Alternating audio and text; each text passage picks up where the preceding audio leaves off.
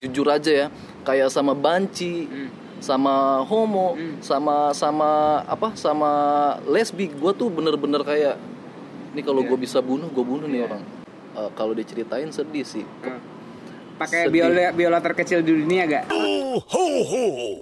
Izinkan aku memainkan sebuah lagu sedih untukmu dengan biola terkecil sedunia. Ini serius. The doctrine I subscribed, Iya.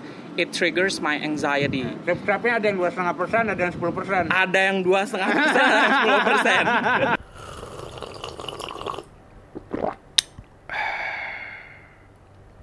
Hai folks, Eh, balik lagi bersama gue Yaser dan tamu gue kali ini dua orang eh, apa ya band baru spesial. Jadi kalau kalian suka dengerin ya suka dengerin lirik-lirik mental health kayak Hindia atau Kunto Aji ini ada warna baru yang baru datang nih di di apa ya di Horizon Musik Indonesia. Perkenalkan.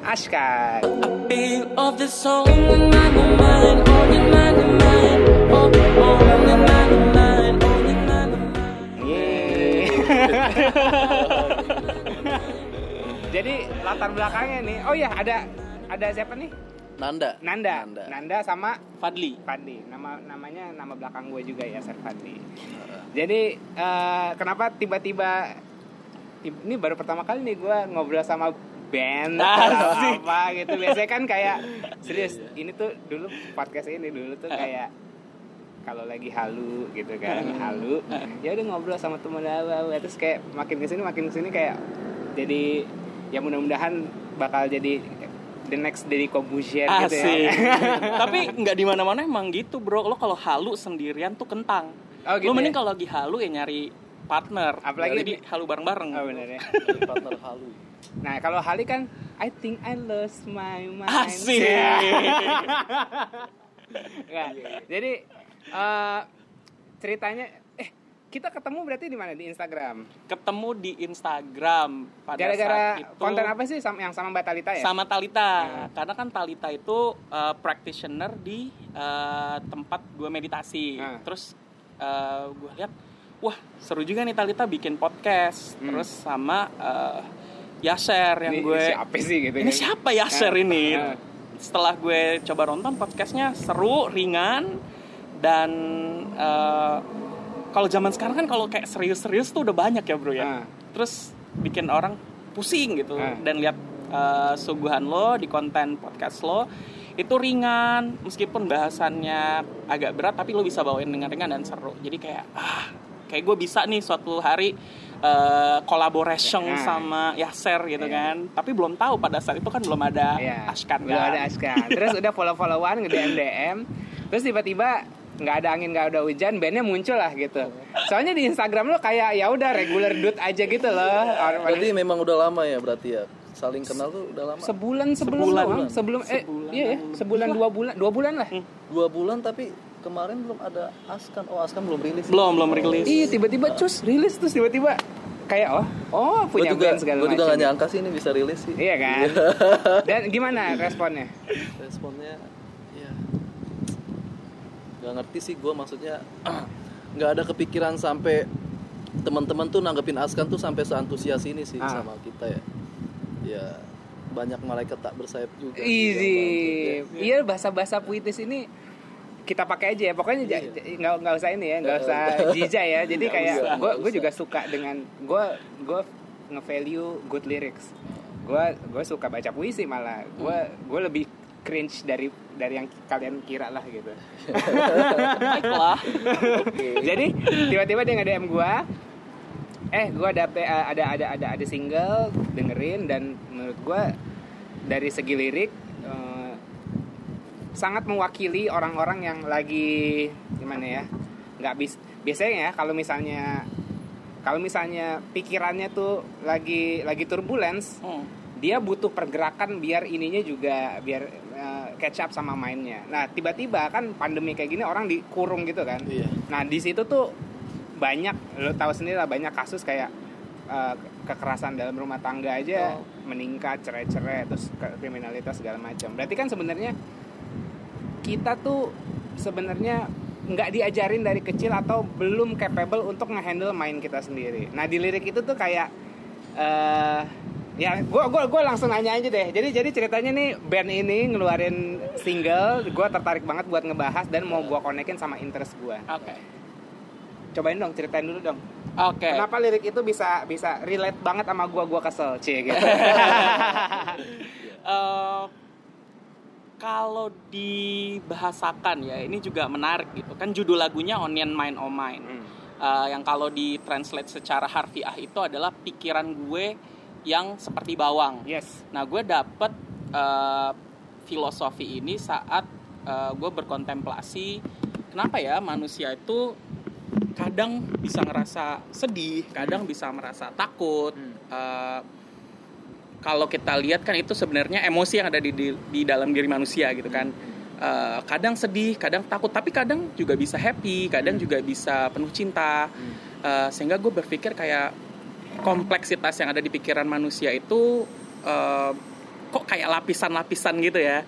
Dan beberapa kali gue banyak eh, dialog dan diskusi sama teman-teman yang eh, menekuni mindfulness eh, dapat juga tuh oh ternyata benar lapisan-lapisan itu nyata adanya. Ada yang mengasosiasikan seperti lapisan kulit bumi ada yang asosiasiin juga kayak simpel kayak bawang. Jadi sebenarnya tugas kita selaku manusia ini pada saat lo punya emosi tertentu ya lo kupas bawang itu oh To reveal To your reveal true self gitu ya. your true self. Apa sih inti dari jiwa lo selaku manusia Oh, gitu? oke.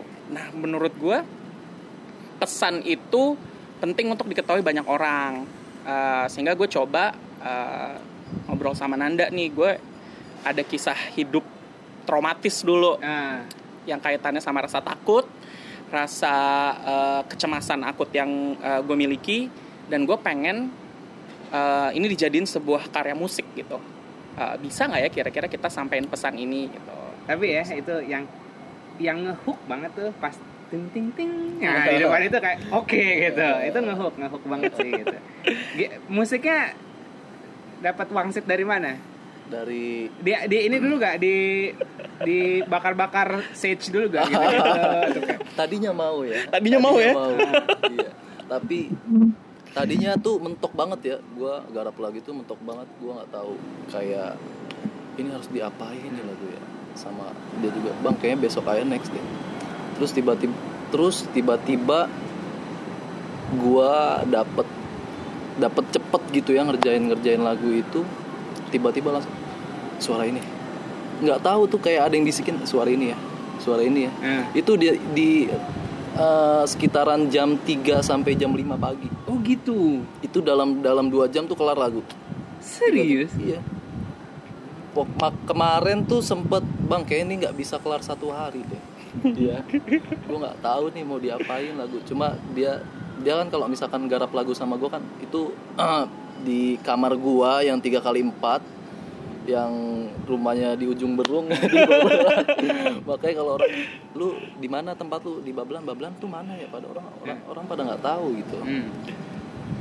jadi bang gua mau di lagu ini ada ada unsur ininya ya ada Hmm. unsur ininya ya oke Eh, gua kembangin eh, gua match sama sound sound gua cari di Band apa yang yang yang yang yang nge-influence ini? kalau band sih kalau gua nggak berpatokan sama band paling di saat gua capek gua bener-bener bener-bener dari gua gua cari aja satu persatu sound-sound yang ada di yang ada di komputer gua. Bener-bener paling kalau misalkan gua capek bang gua mau refresh nih dengerin lagu apa? gitu misalkan apa aja gitu buat gua refresh Iya. aja. Habis itu udah gua garap lagi bener-bener yang kayak nggak terpaku gua mau kayak ini nih gua mau kayak ini nih. Enggak Oh gitu ya. iya. Nah secara visual kan beda nih lu kalian berdua nih. Ah. Nyambungnya gimana ya? Maksudnya gue gue kenal ini judgmental gue eh, sebagai orang asing baru ketemu Mm-mm. dan punya tacit experience yang kayak gini. Satu, ini orang di TGSI pasti ala-ala gitulah iya spiritual beach gitu lah ceritanya yang sedang marak di ini di Jakarta gitu. Beachnya bener sih bro. Spiritualnya we'll see. gitu. Nah dirimu kan rocker anak Bekasi lagi nih gitu. Iya. Kayak apa eh, Bronx gitu. Ini ini gue sotoy sotoyan gue gitu. Iya. Tapi kenapa bisa nyambung? Terus menghasilkan menurut gue musiknya sendiri ya enak gue gue nggak peres sama kalian ya karena emang enak gitu Iya, thank you. gitu apa yang apa apa garis merah benang merah dari kalian berdua sebenarnya Hmm, kalau ini jadi diskusi di awal banget tuh gue ketemu sama Nanda. Eh, gue inget banget itu 19 Desember. Kondisinya gue baru resign dari kerjaan gue. Gue bilang, Bang Nanda, gue pengen eh, berkarya di musik dan menghasilkan karya yang bisa jadi game changer. Oke. Dalam arti gue pengen jadiin musik itu platform untuk bisa bantu gue Hmm. mengekspresikan diri gue Hmm. uh, embrace diri gue dan juga heal diri gue Hmm. karena uh, for your information gue itu menyadari Ah. kalau gue punya yang namanya uh, overthinking akut gitu. Oke, ini berarti eh, d- dan lagunya itu pun ada relate ke situ ya, Yes. overthinking itu ya. yes. Gue bilang ke Nanda gue pengen musik itu jadi sarana buat tiga uh, purpose uh, itu tadi. Pengen to express to embrace to heal. Menurut lo gimana? Uh, dan ternyata kayak gayung bersambut gitu sama Nanda. Nanda juga ternyata punya uh, Cincinnya liatin kamera. yo iya Jangan lupa. Jangan lupa, jangan lupa. Ya, Bo- sponsor, Pak Nasrullah bokap gue iya ternyata Nanda dengan pengalaman hidupnya kisah hidupnya di spektrum uh, peng- experience-nya juga mengalami hal apa yang gue alamin gitu meskipun triggernya nggak 100% sama Hmm. sehingga dari tiga purpose itu to express to embrace to heal itu jadi ibaratnya kayak arwah yang mau dijaga sih dari Ashkan gue bahasain ke Nanda gitu itu yang ngiket beragamnya gue beragamnya Nanda tapi satu visi satu purpose Hmm. itu yang mungkin membuat kita eh, percaya satu sama lain dan so far sih memudahkan satu sama lain juga dalam berproses di musik ini gitu sih gimana bang? Iya. Gue juga nggak nyangka ketemu dia. Tadi gua tuh gua tuh ngamen tadinya, Ah. ngamen di Jakarta. Eh, dari tahun 2015, 16 ya dari tahun 2015 gua ngamen bener-bener ngamen tuh. Gua ngamen dulu sempet klasik rokan juga, terus main dangdut juga, main gambus juga, apa aja lah ya. Yang penting cuan kalau dulu tuh ya. Sampai ke sini ke sini gue kemarin sempat nemuin kayak titik jenuh juga sih ngamen kayak udah males ya Ngamen ngamen kafe ngamen kan. kafe Iya, ya iya. ngamen kafe Gambus di mana di masjid?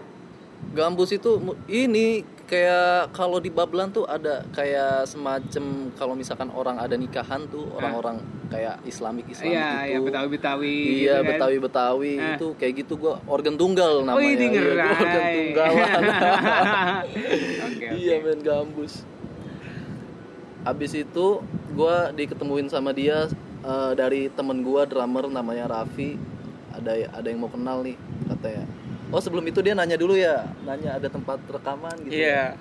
ada tempat rekaman terus dia arahin ke gua gua memang memang udah jalan sih recording pas pas saat itu udah jalan recording cuma recordingnya paling cover cover sama eh, orang rekaman di gua Hmm. sempet waktu itu gua nggak ada kepikiran buat kayak bikin bikin musik sendiri kayak garap produce lagu kayak gitu nggak ada bener-bener gua fokus ngamen tapi di saat gua ngamen itu gua nyicil alat buat gua Wih, suatu saat kalau iya suatu Keren, saat kalau misalkan kalau misalkan gua kan nggak selamanya gua ngamen kayak gini ya gua Iya. capek gua pasti ada ada titik jenuh kemarin udah ngerasain. Dan Kayaknya ingin jadi simpenan pejabat aja gitu. ya simpenan istri pejabat. Ini. Iya, iya.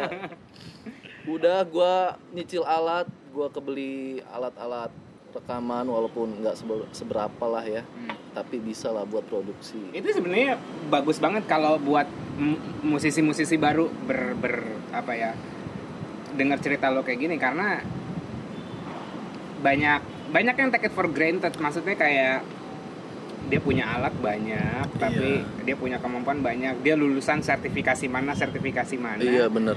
Tapi ya udah kayak take it for granted. Tapi eh, gue eh, gue ngeliat lo respect lah gitu Iya. dari cafe to cafe nyicil nyicil nyicil alat tapi ya ada ada hasilnya nih gitu tapi pesan gua sih buat teman-teman yang masih ngamen gua eh, sekarang kan lagi pandemi ya Ah, gua sih sedih ngeliat teman-teman gua sekarang yang ini cerita nyata ya Iya. kayak ada temen gua yang dulunya ngamen terus sekarang kan eh, lagi psbb gini Iya. apalagi sekarang diperpanjang ya Iya. benar-benar sukses buat kita jadi pengangguran Iya, iya, benar-benar. ya pengangguran sukses Hmm. temen gua ada yang tidur di masjid Hmm. nggak kuat bayar kontrakan terus ada yang jual alat nggak bisa pulang ke daerahnya Eh, terus kayak anaknya ada yang masuk rumah sakit kayak kayak gitu jadi pesen gua sih ya buat temen-temen ya eh, buat ke depannya nih kalau misalkan udah normal lagi ya, iya buat seniman. seniman-seniman pengamen-pengamen kalau misalkan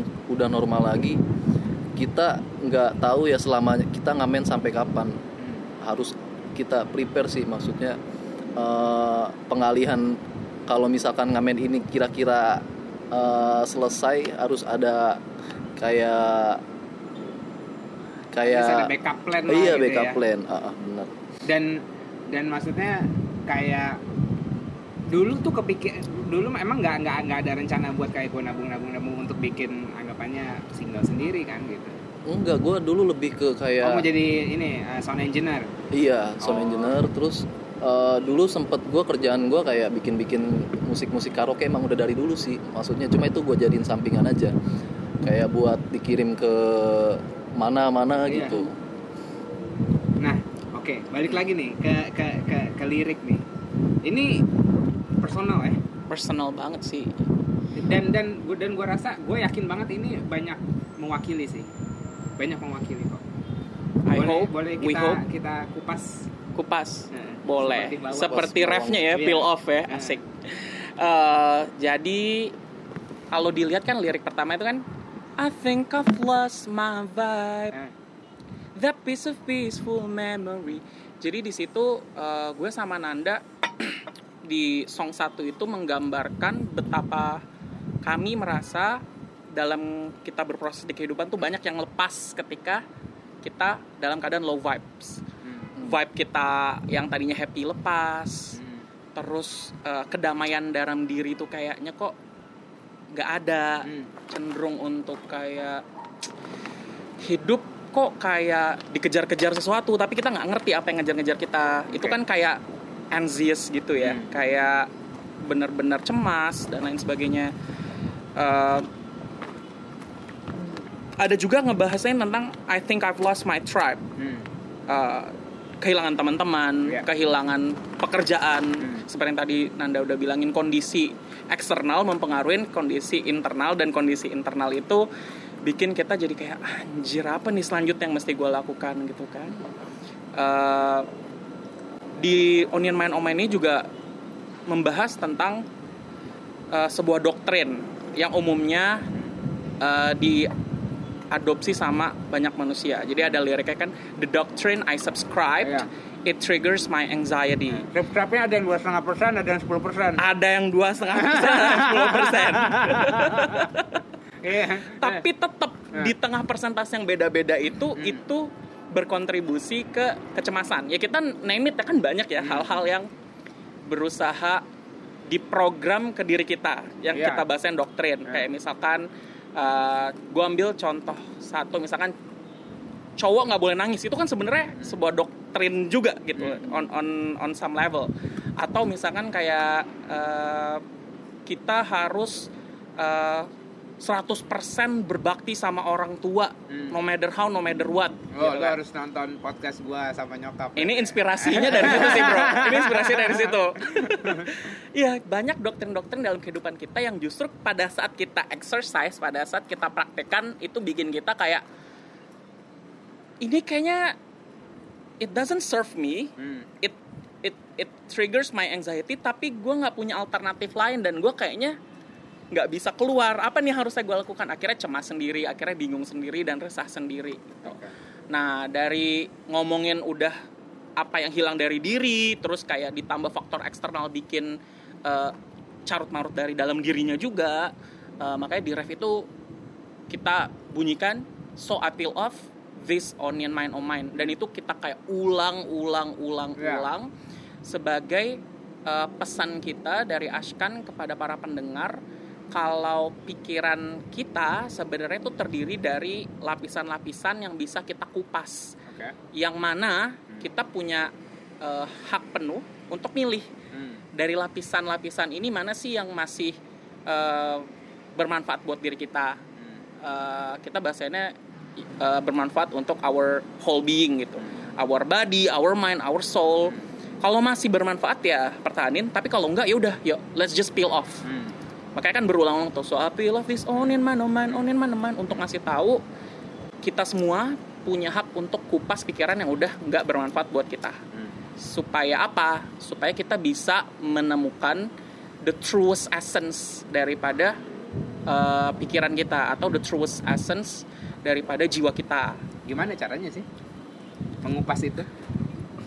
nah Orang kan maksudnya kayak ya oke oke iya iya kupas-kupas itu gimana caranya? gitu. Kalau dari Askan sih membahasakannya gini, eh, kita percaya melakukan refleksi diri, eh, kontemplasi positif itu bisa jadi salah satu cara yang eh, optimal gitu. Se contohnya dalam level praktis kayak gue pribadi gitu ya, gue kalau misalkan lagi mumet, gue kontemplasi diri, gue melakukan journaling. Jadi gue punya buku yang pada saat eh, gue berada di satu momen yang gue nggak present gitu ya dan kecemasan gue mulai kambuh atau overthinking gue mulai kambuh itu gue tulis tuh bullets bulletsnya poin-poinnya eh, untuk nge-guide gue ternyata gue lagi ada di momen sekarang. Gue nggak lagi meragukan apa yang di masa depan atau gue lagi nggak berkutat lagi akan hal-hal yang terjadi di masa lampau. Nah journaling ini membantu gue untuk yang pertama eh, menyembuhkan apa yang gue rasa belum sembuh dalam diri gue tapi ternyata begitu dikorelasikan sama Nanda ketemu Ashkan it's very amazing apa tulisan gue itu bisa jadi sebuah lagu Hmm. gitu jadi kayak kalau di Itu- lihat buku jurnal gue itu dalam bahasa Inggris Iya. yang memang gue itu murni dari pemikiran gue gitu loh oh ternyata gue pernah berada di kondisi yang seperti ini dan baru engehnya men ternyata gue pernah melewati masa itu ya Hmm. dan membuat gue yang ada di versi sekarang tuh lebih lebih firm gitu dalam menghadapi hidup gitu sih Kalau Nanda sendiri untuk ngadepin kayak gitu, kalau dia kan journaling, kalau dirimu ngapain? aku paling main main piano piano ya? iya musik bisa bisa nenangin sih Hmm. kayak kayak gua kalau lagi sedih lagi galau Hmm. kadang nulis lagu nulis lagu pun gua punya beberapa lagu yang gua tulis Hmm. cuma jeleknya gua nggak pernah gua mau garap cuma Nah. sama dia doang nih iya Akhirnya ada gak yang eh, apa gudang-gudang lirik atau musik yang sebelumnya mau dibikin akhirnya di Ada. channelin sini? oh nggak ada sih Nggak ada ya? iya lebih ke kayak pribadi gua kayak nggak pedean gua Oh gitu. iya entah kenapa Kayak aja bisa Gua- ini kan bisa jadi. something yang Uh, uh. Oke, terus eh message-nya apa sih? Maksudnya kayak yang itu gini, ex- apa embrace, express sama heal. Hill Untuk orang lain apa untuk diri sendiri? Nah, gue bilang sama Nanda, eh, kembali lagi ke 19 Desember tadi, Hmm. gue nggak mau muluk-muluk bang Nanda, gue pengen tujuan utamanya ini adalah buat eh, diri gue atau lo dan teman-teman yang berkecimpung di Askan eh, menjadi pembelajaran buat kita untuk express, embrace sama heal. Hmm. Tujuan utamanya adalah memang lari lagi ke diri kami gitu. Oke. Akan tetapi eh, kami percaya di tengahnya berproses gitu ya. This is something good. Eh, kita percaya this is something truthful gitu. This is another truth that needs to be revealed yang harus disampaikan ke banyak orang. Karena gue sama Nanda percaya gini ya, yang kita ini kan sebenarnya instrumen dari higher force yang ada di universe ya you name it lah. God your higher self or whatsoever. Sehingga ketika kita dapat pesan atau kita channeling kayak lirik onion mine oh mine atau bunyi hook teng teng teng Hmm. kita percaya ya kita ini instrumen gitu dari sesuatu yang lebih powerful dari kita dan pengen kita untuk menyampaikannya ke masyarakat lain gitu. Makanya kita pilih eh, lewat musiknya Ashkan gitu. Tujuan kita sih tadinya pengen dari diri sendiri tapi pada saat berproses kita yakinin ini sesuatu yang positif buat banyak orang. So let's just like do it gitu. Lah benar-benar kita upayain. Gue bilang sama Nanda bang kita kalau bisa tujuannya mencari rumah bagi si musik-musik askan ini. Karena kita percaya pesan yang ada di dalamnya udah disampaikan dan udah tailored untuk orang-orang yang membutuhkan. Jadi Ah. dengan kita marketing kita promosi uh, it's good dapet cuan Ah. tapi very full fulfilling kalau misalkan ternyata menemukan rumahnya di jiwa orang-orang yang dengerin juga gitu. Ternyata kayak misalkan lo bilang kayak ah, musiknya dan liriknya resonate banget nih sama gue. Nah itu satu momen aha momen juga buat gue sama Nanda. Anjir ya ternyata uh, pesan yang uh, kita Kita buat. channel ini kita buat Sampai. sampai dan Relate, nemuin rumahnya relate uh, lost my tribe, lost my vibe. Di- Jadi kayak kalau gue kalau gue pribadi ngelihat Hmm. lirik itu adalah di saat lo finding yourself, you lose each other gitu loh. Kal- Dari dari dari ini pas kalau udah proses nih, maksudnya dulu mungkin kita pleasing orang, Hmm. tapi lose lose ourselves gitu. Yeah. Tiba-tiba, uh, oh enggak nih kayaknya. Apalagi psbb gini mungkin jadi bahan refleksi orang banyak gitu kan. Mm-mm. Nah, ya di saat lost my vibe gitu, terus akhirnya masuk ke dalam diri sendiri, ya biasanya sih kehilangan tribe-nya karena gue ngerasain sendiri Hmm. gitu. Kayak di saat kita fokus sama diri sendiri, biasanya udah mulai nggak cocok sama tongkrongan nih. biasanya sama tongkrongan kayak, eh, biasanya kan kita kayak misalnya nongkrong aja ya misalnya nih, Bekasi nongkrong kan kayak gue mau balik dulu nih bro. Ntar dulu ah ntar dulu gitu kan. Ya kan mau gak mau alasan paling ampuh kan kebelet berak ya kan? Kebelet berak baru dis- disuruh pulang gitu Kan- nah itu kan sebenarnya pleasing orang juga padahal sebenarnya mungkin kita nggak nyadar kita introvert apa yang energi kita udah drain segala macam gitu. Akhirnya kita kan harus harus uh, fokus sama diri sendiri juga gitu. Apa? Beda frekuensi beda Beda- vibrasi ya. Gitu. vibrasi. Ya. Beda iya iya. Nggak, udah nggak sefrekuensi nih. Iya. Kadang tuh memang bener yang tadi lo highlight itu. Gue bilang sama Nanda, pada saat kita berproses di musik Ashkan pun sempat kan ada orang-orang yang eh, yang kita bahasain malaikat tanpa sayap yang Nah, itu benar-benar. Nah, eh, malaikat tanpa sayap apa bang Nanda? ini malaikat mantap tanpa sayap orang-orang yang bantu Askan Oh. eh, dalam proses pem- pembuatan single kita terus proses kayak eh, ngisi lagu Askan apa bentuk bentuk bantuannya ke Askan nah sekarang kita ceritain dari awal ya. Kita Ah, boleh, tadi boleh, boleh. ta- kita tadi rencananya nih Askan ini sebenarnya bukan Askan namanya. Namanya ini Cakra namanya. Oh, Cakra, Ah, ya. Cakra. Cuma suka diplesetin diplesetin Cakrakan. sama orang cak nah bener ya Ya, ya. cakrakan. Tadi kita uh, awalnya kan gua ketemu sama dia kita ngobrol tuh di 19 Desember itu ya. Gimana bang Nanda nih? Dia dia ceritain kayak gua mau buat lagu dan tujuannya ini ini ini. Oke gua welcome karena uh, nah ini nih maksudnya gue lihat dia juga punya potensi liriknya bagus Ah. terus uh, lagunya juga bagus-bagus. Gua makanya gua antusias. Dan apalagi dia yang gua bikin gimana ya? Bikin gua kok bisa kok ada sih orang kayak dia? Kayak dia bela-belain eh, keluar dari pekerjaannya kan padahal kalau misalkan orang normal bilang sih lu ngapain sih? gitu. Eh, kayak ngorbanin sesuatu hal buat hal yang nggak pasti gitu. Hmm. jangan sebenarnya sedih. halu sebenarnya halu ya. Jangan sedih, Bang. ini halu. Dunia musik ini halu sebenarnya. Kalau buat orang-orang uh, orang-orang lama yang ngomong apa bermusik iya, nggak? bermusik nggak- ngapain nggak- sih nggak gitu? stabil Iya, gitu nggak ya? stabil terus gue pernah ada di posisi itu sih. Hmm. kayak dikucilin keluarga Hmm. gua karena gue terus main musik terus kayak diomongin tetangga. Cuma gua gua balik lagi. Gua gua kasih penjelasan sama orang tua gua sampai sekarang dan gua nggak minta uang lagi dan gua malah ngasih sama mereka. Hmm. ini loh musik gitu. Nggak sesempit apa yang kalian pikirkan gitu. Hmm. Makanya mulai dari situ. Ya udah nah balik lagi ke Askan. Eh, kita tadi awalnya rencananya gua ngajak temen gua yang tadi kita bilang malaikat tak bersayap itu ya. Hmm. Se- sebagian dari malaikat tak bersayap sebenarnya banyak ya. Banyak, banyak banget. Ini Eh, ini aja community kalian kali ya itu ya bisa dibilang ya. community Tribe-nya kalian lah ceritanya. Bisa ya. bisa, bisa ya Bisa sih dibilang tribe suku-suku dari Ashkan. Suku dari Ashkan. Apaan kalian?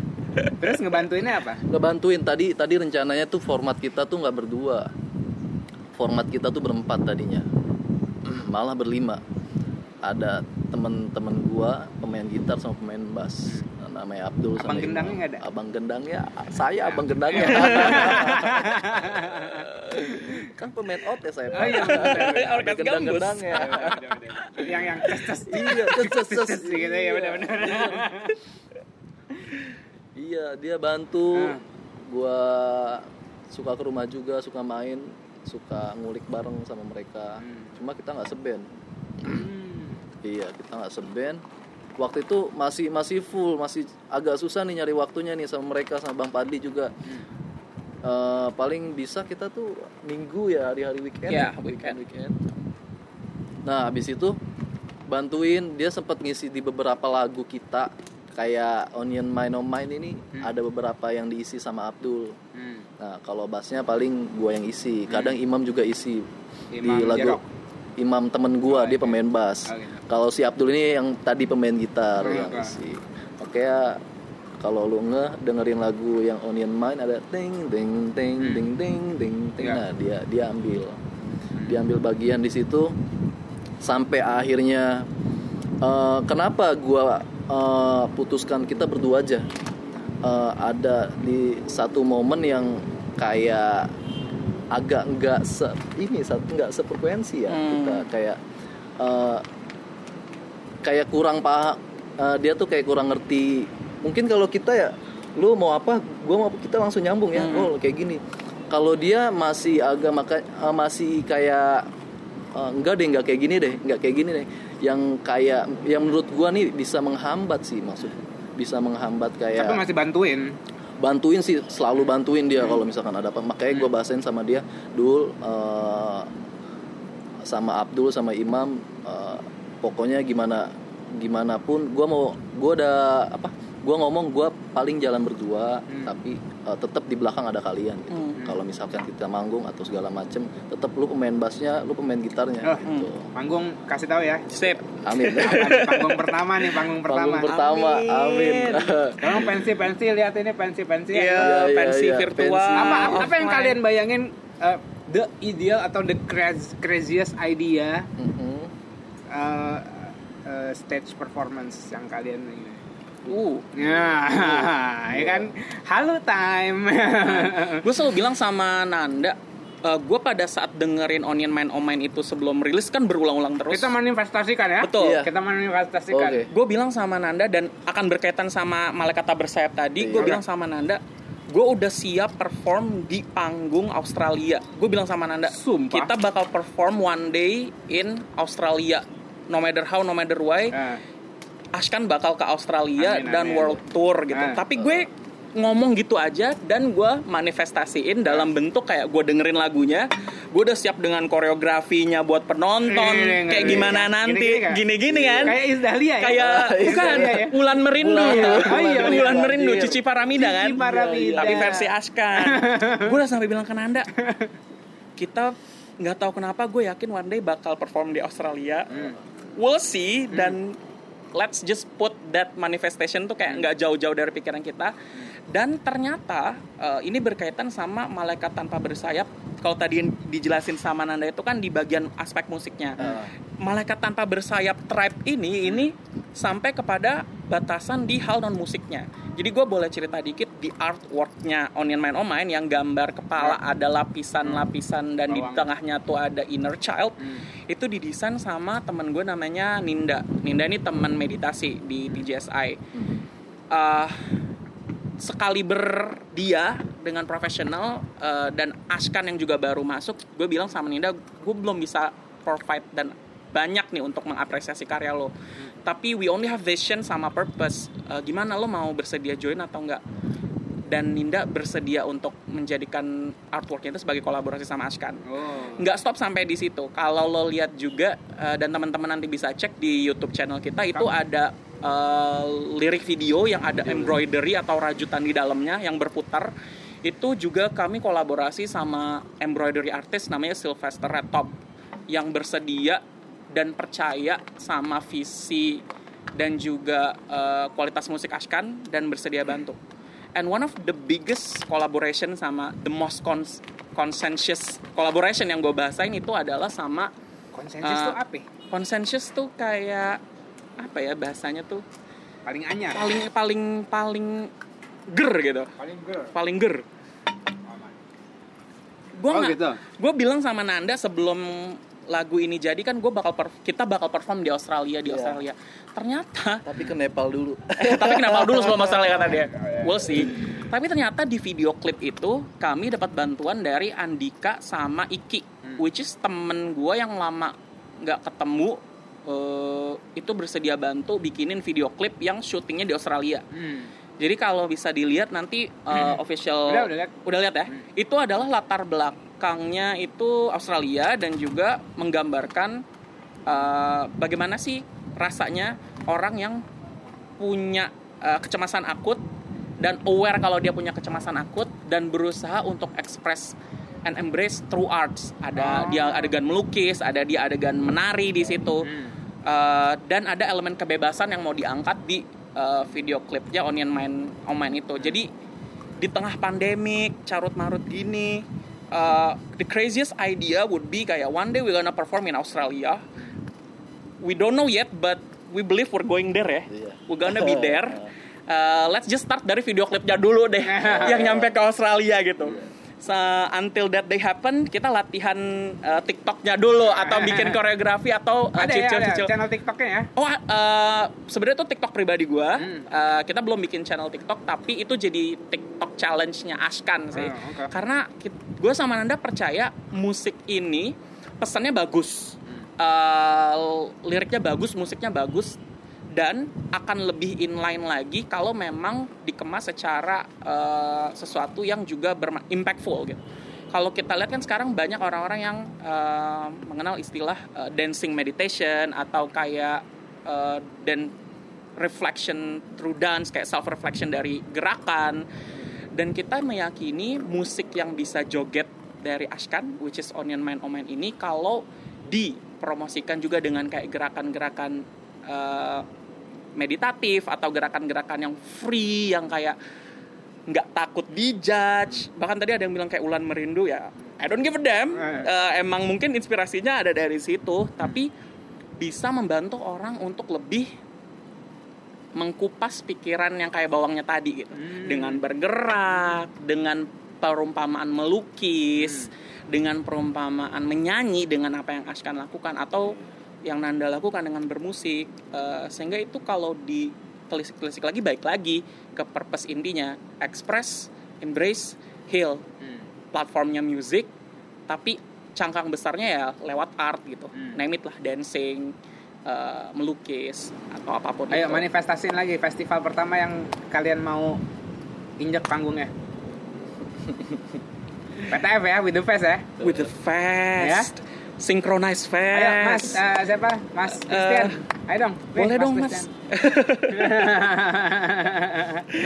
Iya iya iya karena memang lucu juga sih ya share kayak gue sama Nanda bilang Ashkan ini kayaknya memang eh, 2020 ini kita jadiin tahunnya Ashkan Hmm.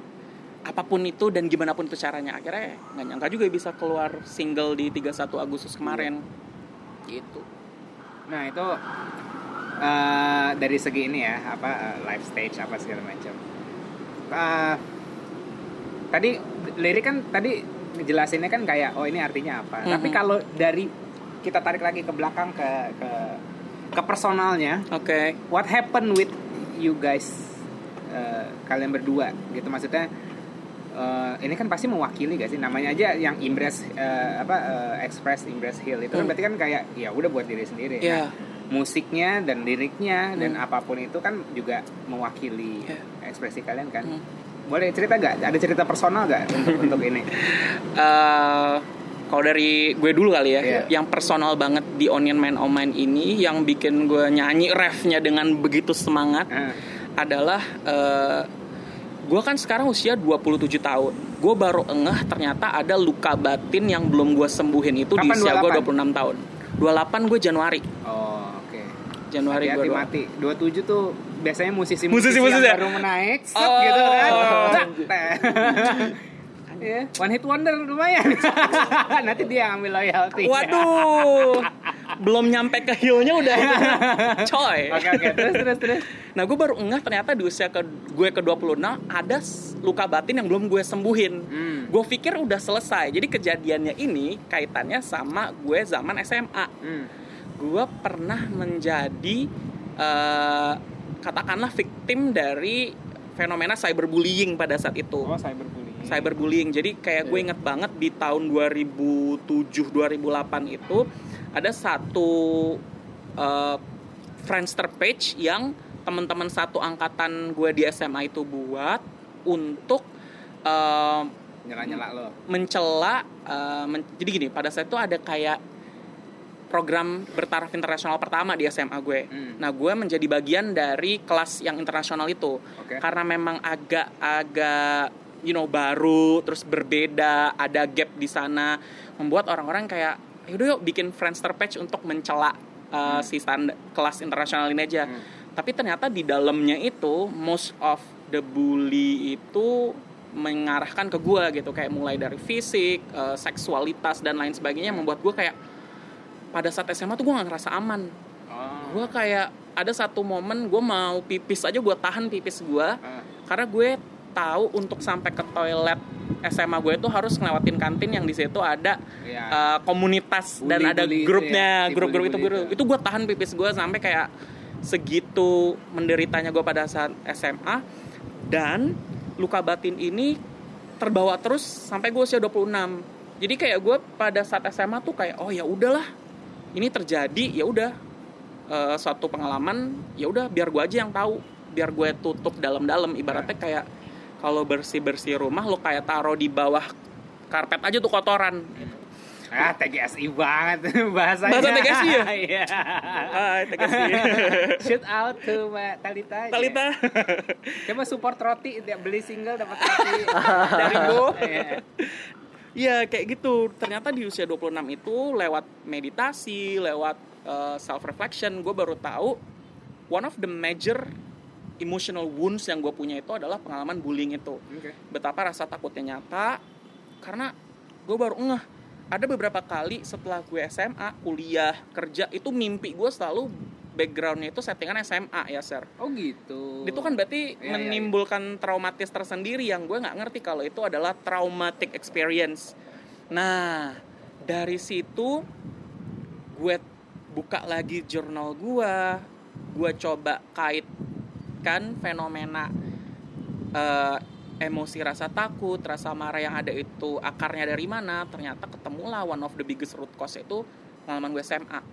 Nah itu secara personal gue kupas tuntas rasa takut dan kecemasan itu di lagu Onion Mind on Mind gitu loh. Dan lucu banget sih pada saat H satu rilis lagu itu entah kenapa gue dapat keberanian bikin kayak eh, curhatan eh, 400 kata gitu Ah, terus gue sebar di grup angkatan gue sebagai wujud gue ngasih tahu kalau dulu gue pernah berada di kondisi yang gak oke loh. Oke. Uh, I released it uh, di grup uh, Bagus angkatan gue dan ternyata memang uh, itu menjadi kayak buat gue ya satu hal yang membuat gue lebih lega gitu. Karena gue merasa punya tanggung jawab moral nih ngejelasin onion man omen itu apa sih sebenarnya Fat? Tapi tapi you were fine gitu loh. Iya. tapi nggak semua orang tahu sebenarnya on the deepest part of my heart itu rasa itu ada. Dan lo dan dan akan hipokrit kalau misalnya lo menyanyikan atau eh, apa mensuarakan kayak gitu tapi lo belum rilis. Iya kan? Iya. Ah, ah. gue nyuruh orang so I love this onion man Nah, omen ternyata sendiri lo belum enggak. ngepil Iya, iya, gitu. tuh jadi kalau di gue sih pengalaman personalnya tuh terkait dengan itu sih Hmm. rasa anxiety fear pada saat uh, menghadapi fenomena cyberbullying itu Kalau dirimu?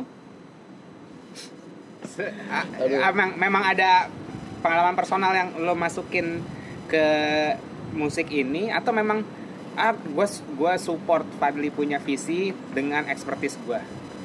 Eh, kalau support ya support.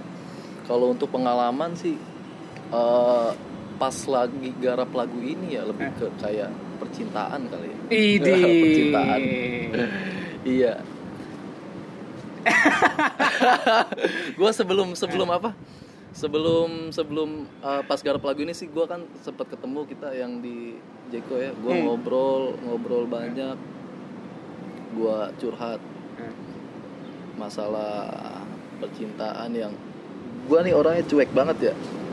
Gue orangnya orang yang sangat cuek yang bodoh amatan lah. Nah, mungkin saking bodoh amatnya gue eh gua tuh manggung kalau gua manggung gua gua nih kayak pakai celana celana cewek Iya. baju pakai baju cewek dan gua nggak peduli lu mau ngomong apa yang penting gue pede sama diri gua gitu ya. Sampai secuek itu gua gua mau make up mau apa gua pakai lipstick. Nah. gitu. Dan di percintaan pun sama kayak eh, gua secuek itu. Sampai di satu titik gua diketemuin sama orang yang bikin gua kayak kayak bucin kali ya kayak Iya. nggak bisa kalau misalkan Ini kalau kryptonite nih ya ceritanya. iya ya. eh, kayak nggak bisa kalau nggak ngabarin terus Nah. kayak video callan sampai sampai Oh, 24 yang gitu. jam sampai segitunya gua yang ini gua kenapa sih Ya. gua nanya sama dia kenapa sih gua bang Ya, iya sampai di sa- Insecure, insecure ya? insecure iya ini ada yang salah nggak juga sih maksudnya sampai eh, berjalannya waktu sampai di satu titik gua eh, sama cewek sama cewek ini eh, kayak apa ya gua kayak ngerasain oh begini rasanya disakitin cewek gitu ya Oh, iya. Itu bagus itu energinya bagus tuh di channeling menjadi sebuah lagu itu. iya sampai oh kayak gini ya Eh, kayak gua pernah ada salah apa gua ya sampai gua diginiin? Kematil gitu. ya, kematil ya, Pak Boy. Pak Boy kematil nih parah gue kepatil. Sampai sampai apa ya gue banyak pertimbangan sampai gue bawa ke rumah sampai gue gue kayaknya serius gitu kalau mau gue ajakin kita nikah lah gitu kan sampai ke situ kan. Tapi banyak yang kasih masukan juga sih kayak pikir-pikir lagi pikir-pikir lagi Eh, sampai di satu titik gue gua udah mau seserius itu dianya kayak I think I lose my Nah. mind. Iya. Ya ya ya. ya. lucu sih kalau kalau untuk kalau untuk masalah-masalah kalau di rumah sih ya gitu-gitu aja maksudnya kalau sama bokap bokap tuh orangnya cuek banget gua nggak pernah ngobrol sama bokap sampai kemarin di ketemuin satu masalah yang memang gua harus dulu tuh gua nggak bisa gua ambil sikap. Kayak gua mau gua lebih baik gua diem daripada gua ngomong gitu. Dulu tuh kayak takut banget kayak takut banget bersuara gitu. Kayak di rumah di masalah di pertemanan di masalah hubungan gue tuh orangnya yang uh, keep silent gitu biar gue aja.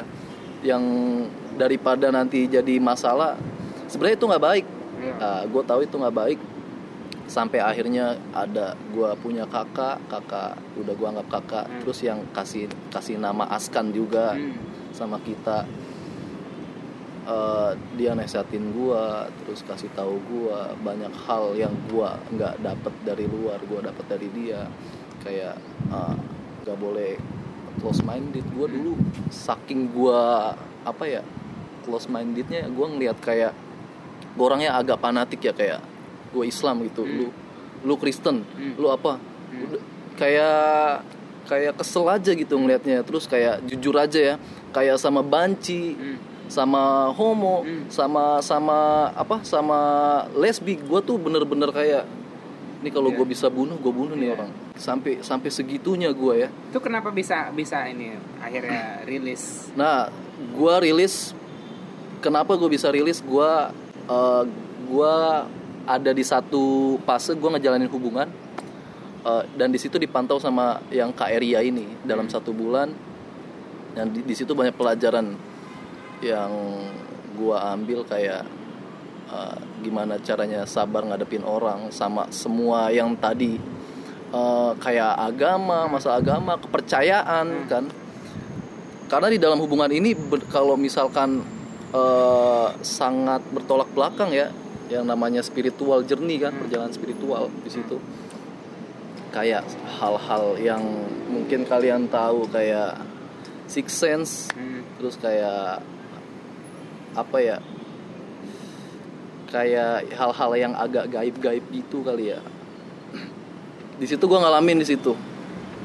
Dalam satu bulan ini gue ngejalanin hubungan eh, pembelajaran pendewasaan diri keluar dari situ gue bener-bener rilis semua karena KRIA kasih tahu lu kalau mau upgrade lu mau kalau lu mau apa mau versi barunya lu Hmm. dan open minded ya lu kayak nggak boleh kayak ngelihat kita ngelihat sesama manusia aja kita manusia semua Nah itu bisa switch switchnya cepat apa butuh adaptasi? Karena maksudnya kalau yang udah fanatik gitu kan biasanya oh enggak gue cepet langsung cepet ya. karena gue balik lagi gue nggak mau gue dari dalam diri gue juga gue nggak mau uh, close minded gue nggak mau kayak kayak apa ya kayak berpihak ke mana-mana dan menyakiti uh, salah satu pihak karena kalau gue terlalu fanatik juga uh, misalkan gue Islam nih gue ada orang yang tersakiti dan orang yang tersinggung dong. Pertama gue nggak mau itu.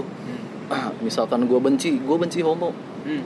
kita kan nggak tahu kenapa dia bisa homo. Hmm. atau kenapa dia bisa banci kenapa dia bisa kayak gini. Kita jadi gua bisa simpulkan kita sesama manusia sesama apa ya sesama ciptaan Tuhan itu udah itu aja sih. Haleluya. Haleluya iya apa gue kok John Cena gitu iya makanya nice. dari situ setelah gua rilis makanya mungkin gue dikasih kemudahan ya gue juga nggak nyangka gue bisa bikin musik kayak gitu Iya ya. iya gue sama diri gue gue gue nggak- jujur ya, nggak cocok, nggak cocok nih. Bener, Audio yang bener, gue dengerin parah. nih sound, Ini. sound yang gue dengerin, terus nggak kalau yang di photoshoot masih di, di inilah di setting lah gitu kan. Wah rocker nih gitu kan. Pas datang rocker nih kayak oke gitu. Dan iya makanya menarik sebenarnya gitu bisa bisa makanya makanya aku nanya kayak inspirasi dari mana gitu. Apakah tapi kalau dari segi musik kalau segi musik sih inspirasi Bang Padli nih sempet kasih tahu gue beberapa musik ya mungkin uh, agak gue curi-curi sedikit Hmm. oh soundnya kayak gini nih cuma memang dari gue gue kan ngamen ini all around ya apa aja apa aja musik gue mainin That's why, that's Nah, why dari ini situ. lo lebar. ya. nah makanya gue kadang terinspirasi dari musik ini terus gue colong nih soundnya oh soundnya kayak dan gue udah paham maksudnya dari bagian-bagian part-part musik sound apa yang gue masukin sound apa yang gue masukin apa yang gue masukin karena kerjaan gue kan gue udah lima tahun di musik kan main musik uh, explore sound dengan semua lagu dan dan gue masuk band yang dituntut harus lu sound lu harus detail ya terserah lu terserah lu main lu nggak jago nggak jago yang penting sound lu mendekati sama lagu. Mung- mungkin itu yang ngedorong gua buat eh, kayak bikin musik askan ya. Jadi gua harus utamakan sound walaupun gua agak sedikit melenceng nih ya gua rocker gitu. Hmm. yang mungkin yang lu bilang gitu gua suka klasik rock gua suka eh, Iya.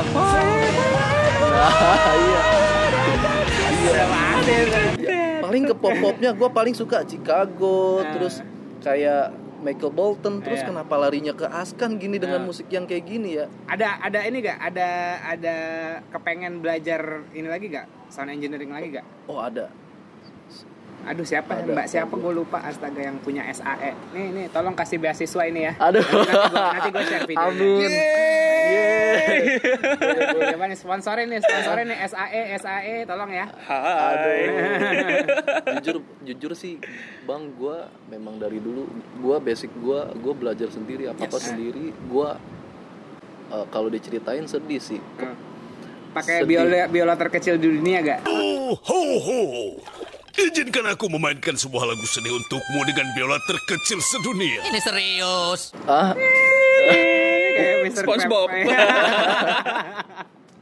Sedih sedih sedih kayak gua mau main musik tuh eh, dilarang-larang sama orang tua terus gua mau Kayak les di film-film ya. iya Yang- gua mau iya, les pun bener, mau bener. kursus pun jadi orang tua orang tua gua tuh nutut lu harus abis ini lulus kerja terus cari uang ngumpulin uang beli rumah Nah, beli inilah segala macem nikah udah iya. sesimpel itu gitu tapi gue balik lagi itu kan- mimpinya kamu kali yang nggak kesampaian gitu dibebanin ke Iya, anak bener bener gitu. bener. Ngapain sih ngeband gini gini? Terus kayak mau les musik, kayak udahlah daripada les musik mending sebenarnya bukan kayak gitu ya sebenarnya mau cuma nggak ada biaya Ah. mau les musik terus a- dan akhirnya gua ngulik-ngulik sendiri. Bener-bener zaman itu gue pakai modal notebook doang. Gue mau belajar recording aja. Gua harus beli alat-alat yang harganya 150.000 ribu buat rekaman. Se apa ya se Soundcard soundcard iya ya. soundcard soundcard Soundcard- yang second ya? gitar. Masih mending kalau soundcard second. Ini nih yang buat gitar USB gitu Oh, USB iya. link. Oh yang langsung ini. Nah Iya, iya. yang yang warna putih itu gue masih inget banget. Dari situ sampai kemarin pun gue mau kayak mau eh, sekolah kayak sound engineering ya. Nah. agak susah. Cuma alhamdulillah gue kebantu. Mungkin gua kuping gua ya kebantu kuping gua yang agak sensitif kali ya. Eh, terus kebantu juga sama gua punya temen gua namanya bang Yodam gua makasih banyak banget. Dia udah sangat berpengaruh ya dalam hidup gua. Kayak dia sangat percaya sama gua kayak eh, bikin musik kayak mixing mastering dia ngajarin gua kayak gitu. Itu berarti mastering sendiri semua ya? Semuanya sendiri. Kemarin sempat dibantu sama bang Yodam di masalah mastering mastering karena gue kehalang sama gear kan alat alat gue speaker gue kurang memadai buat eh, mastering. Tapi kemarin dibantu sama dia dan akhirnya kemarin mastering yang di video klip tuh gue yang mastering. Hmm, nice iya yang di video klip itu. Semoga bisa upgrade upgrade terus deh. Iya amin. Amin. ya semoga ada sponsor sponsor. Hai sponsor. iya. Oke oke. Mungkin satu hal yang Ya. juga pengen gue highlight itu dari penuturan Nanda terus apa yang gue ceritain balik lagi link backnya itu ke ketika kita bahasain gitu ya ke semesta kalau woi semesta nih Aska nih pengen nih express embrace sama heal. Nah, tapi mungkin semesta juga pengen lihat seberapa komit dan serius kita untuk pengen express embrace sama heal hmm. uh, throughout the process ya kita juga sebelum kita express embrace heal ke orang lain ternyata memang pattern kita yang berkaitan sama express Hmm. pattern kita yang sama embrace dulu. harus dibenerin Oh, oh, dulu yes yes yes, yes. itu yang membuat kita kadang gue sama Nanda uh, setiap kayak misalkan lagi ada momen yang kita harus ngobrol via WhatsApp kita ngobrol gitu gue gue update bang Nanda gue lagi ada pola kehidupan kayak gini nih. Kayak misalkan di relationship atau misalkan di uh, konteks uh, gue sama kecemasan akut gue gitu yang waktu itu kambuh. Terus gue cerita Nanda. Akhirnya Nanda memberikan reminder lagi ke gue. Uh, kita lo harus uh, lolos dari challenge itu Fat. Atau misalkan di saat Nanda hadir ke gue bilang kayak "Eh, Fat gue lagi ada problem ini gue akan kasih constant reminder uh, ingat lagi tujuan kita itu adalah pengen semesta tahu kita mau express embrace sama heal ini adalah jalan buat kita mengupgrade diri kita menjadi versi yang sebenar-benarnya diri kita sehingga kita bakal punya you know limitless power gitu untuk benar-benar uh, komit terhadap apa yang mau kita sampaikan ke semesta tadi. Makanya kita selalu bahasakan kayak we j- we're just here to send love and light lah buat orang-orang yang ada di di muka bumi ini kayak salam cinta cahaya aja karena kita percaya ujung-ujungnya ternyata ya that's what the world needs gitu loh. Di tengah lagi kayak gini, orang masih banyak yang nggak pasti. Orang perlu diingetin lagi kalau cinta dan cahaya itu bisa kita hadirkan dan bisa kita bagikan, but harus dimulai dari dalam diri dulu. Ketika itu udah full, kalau lo mau bagiin, bagiin juga tuh tumpah-tumpahnya ke orang-orang yang lo rasa memang memerlukan gitu. Gitu. Jadi kayak ibaratnya kalau di Aska nih komplit mulai dari pra teorinya komplit terus ujian nasionalnya dalam Parah. berkehidupannya juga Parah. kayak bener-bener kalau dibilang bleeding kadang bleeding sih ya Ser tapi kayak gue merasa bersyukur ya Nanda, eh, Bang Kevin, manajer kami, terus teman-teman tadi, malaikat tak bersayap tadi senantiasa tiba-tiba bisa hadir gitu aja di saat kita memerlukan eh, peringatan dan pengingatan lagi. Kayak why the hell do we start this journey with Ashkan at the very first place gitu. Meskipun ya baru seumur jagung but we're hopeful dengan fuel yang gede purpose dan vision tadi gede malaikat tak bersaatnya banyak ibaratnya support bokap nyokap kami juga keluarga ter- keluarga kami inti juga support Iya. Iya, Udah udah kenalan just- papa mama berdua, udah, Udah. main ke rumah enggak? Oh, belum. gue yang udah main ke rumah dia. Eh, Iya. lu juga udah main ke Udah rumah gue main kan? dong, Udah salam. Udah salam ya, udah. roti buaya bawa roti buaya. Roti buaya, terus Iya, apa? ya? iya. Roti bolu, udah udah dibawa semua. Udah. Tinggal nyokap aja bikin soto. Tinggal nyokap dia, oh sotonya enak katanya, gue belum Iya. nyoba. Terus pas kita pas sebelum rilis nih ya, nih banyak challenge ya kita Yes. ya di kayak dihadepin eh, lu bisa nggak nih sebelum lu mulai ke orang-orang yang nggak kenal di, da- kita diuji dari dalam lingkungan kita dulu kayak eh, entah teman kita ada yang ada trouble terus entah kenapa itu eh, connect-nya ke kita Yes. Selalu itu Apa Ma- teman yang lagi apa tadi? teman-teman yang lagi ada dapat masalah, terus yang lagi problem Hah? keluarga, terus sampai ke kayak kayak suami istri Hah? gitu. Terus pertemanan itu koneknya ke kita, ke Koneknya gua. gimana? Dalam Koneknya bentuk apa? dalam bentuk kayak gini. Kita eh, misalkan ada ada teman gua nih suami istri yang lagi berantem, Ah. ya. Terus larinya tuh ke rumah gua, Hmm. dua-duanya. Minta masuk minta masukan Oh, terapis. nggak ngerti gue kayak kayak minta tolong gitu minta tolong. Terus gue mikir ini kenapa kenapa gue ya? Maksudnya nggak nggak nggak sih. Gue lagi di di rumah jam 3 pagi jam 2 pagi terus tiba-tiba ketok-ketok nangis nangis gue berantem gini segala macem sebelum rilis nih. Ini udah sama Askan. Hmm. terus gue telepon Padi ini maksudnya apa ya gue gue paham Lagi Nggak, kenapa ini- nanya ke dia? Lagi kan masalah lu, masalah temen lu. Iya, gue paham. Cuma gue mikir lagi, ini ini Ada- pasti ada, ada hubungannya. hubungannya. Ya. Gue gue udah mikir ke situ sih. Ini ada hubungannya ke. Nggak, dia aja dia aja dia aja bingung. Ini suami istri berantem kenapa ke gua? Ya Nah, lu juga makanya. ngapain nelfon ke dia kagak ada hubungannya lagi. gue tahu, tapi saking seterbukanya itu gue sama dia. ya. Gua dan akhirnya sih, alhamdulillahnya eh, pas abis abis dia ada masalah, gue bantu se- sebisa gue. Akhirnya sampai sekarang dia baik lagi.